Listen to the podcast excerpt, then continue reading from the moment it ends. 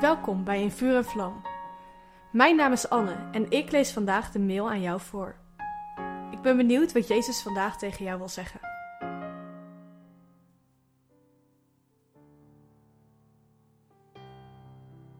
Wij zijn gezanten, ambassadeurs van Jezus. Toen Jezus bijna naar de hemel ging, zei hij dat het goed zou zijn dat hij wegging. Hij zei dit omdat de Heilige Geest dan kon komen. Jezus loopt hier niet meer in zijn lichaam rond, maar in plaats daarvan is Hij in ons allemaal en zijn wij degene die namens Hem het goede nieuws mogen vertellen. Een grote verantwoordelijkheid, denk je misschien. Maar als we ons beseffen wat het woord gezant of ambassadeur inhoudt, valt de druk weg. Als ambassadeur spreek je namens iemand anders. De autoriteit van je boodschap wordt niet bepaald door jou. De autoriteit is gegeven door degene die jou heeft gestuurd. De reactie op deze boodschap, positief of negatief, is geen reactie op jou, maar een reactie op degene namens wie hij spreekt. En zo is het ook met God. Wij spreken namens God, geleid door zijn geest. Hij stuurt ons en we staan dus ook in zijn gezag. Wat mensen zeggen of hoe ze iets opvatten, hoeven we niet persoonlijk te nemen. Wij zijn de boodschappers en onze voldoening komt niet uit wat anderen zeggen of vinden. Het mag komen uit het gehoorzamen van degene die ons heeft gestuurd. We hebben het voorrecht om te spreken namens de God van het universum, de schepper van alles wat leeft. Hij is degene die ons van de dood heeft gered door in onze plaats te sterven aan het kruis, maar ook weer op te staan. Wij zijn de Bijbel die onze niet-christelijke vrienden lezen. Wij mogen voor sommige mensen de enige Jezus zijn die ze tegenkomen. Wij mogen de weg wijzen aan de verlorenen.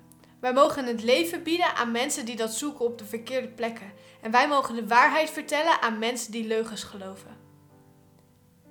Ik hoop dat je de afgelopen weken bemoedigd en aangevuurd bent om Gods liefde en zijn boodschap te vertellen en te laten zien aan de mensen om je heen. Je hebt veel gelezen over het belang van Gods hart voor mensen en dus evangelisatie.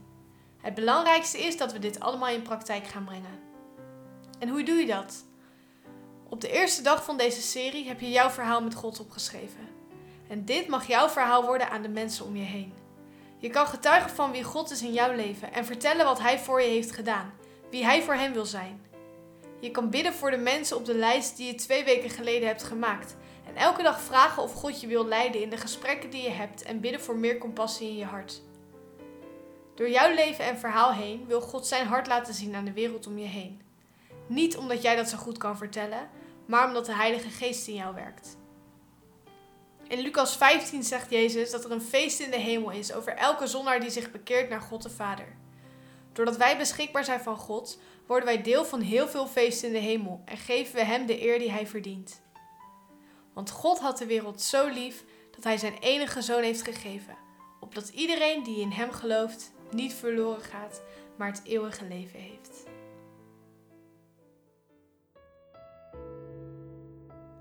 Wat leuk dat je hebt geluisterd naar In Vuur en Vlam.